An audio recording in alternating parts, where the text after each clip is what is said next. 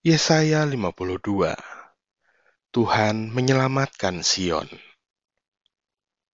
Terjagalah, terjagalah, kenakanlah kekuatanmu seperti pakaian, hai Sion. Kenakanlah pakaian kehormatanmu, hai Yerusalem, kota yang kudus. Sebab tidak seorang pun yang tak bersunat atau yang najis akan masuk lagi ke dalammu. Kebaskanlah debu daripadamu. Bangunlah, hai Yerusalem yang tertawan. Tanggalkanlah ikatan-ikatan dari lehermu, hai putri Sion yang tertawan. Sebab beginilah firman Tuhan. Kamu dijual tanpa pembayaran, maka kamu akan ditebus tanpa pembayaran juga. Sebab beginilah firman Tuhan Allah. Dahulu umatku berangkat ke Mesir untuk tinggal di situ sebagai orang asing. Lalu Asyur memeras dia tanpa alasan.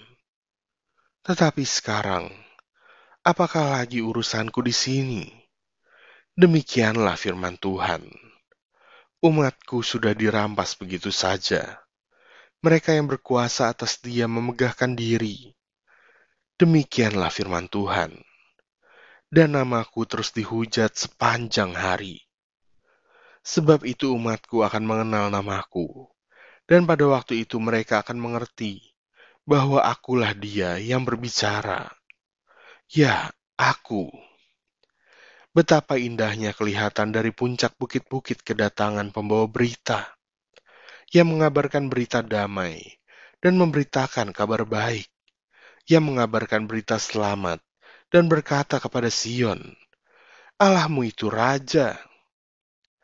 Dengarlah suara orang-orang yang mengawal engkau. Mereka bersama-sama bersorak-sorai sebab dengan mata kepala sendiri mereka melihat bagaimana Tuhan kembali ke Sion. Bergembiralah, bersorak-sorailah bersama-sama, hai reruntuhan Yerusalem. Sebab Tuhan telah menghibur umatnya, telah menebus Yerusalem. Tuhan telah menunjukkan tangannya yang kudus di depan mata semua bangsa. Maka segala ujung bumi melihat keselamatan yang dari Allah kita Menjauhlah, menjauhlah, keluarlah dari sana. Janganlah engkau kena kepada yang najis. Keluarlah dari tengah-tengahnya, sucikanlah dirimu, hai orang-orang yang mengangkat perkakas rumah Tuhan. Sungguh, kamu tidak akan buru-buru keluar dan tidak akan lari-lari berjalan, sebab Tuhan akan berjalan di depanmu dan Allah Israel akan menjadi penutup barisanmu. Hamba Tuhan yang menderita. Sesungguhnya, hambaku akan berhasil. Ia akan ditinggikan, disanjung, dan dimuliakan.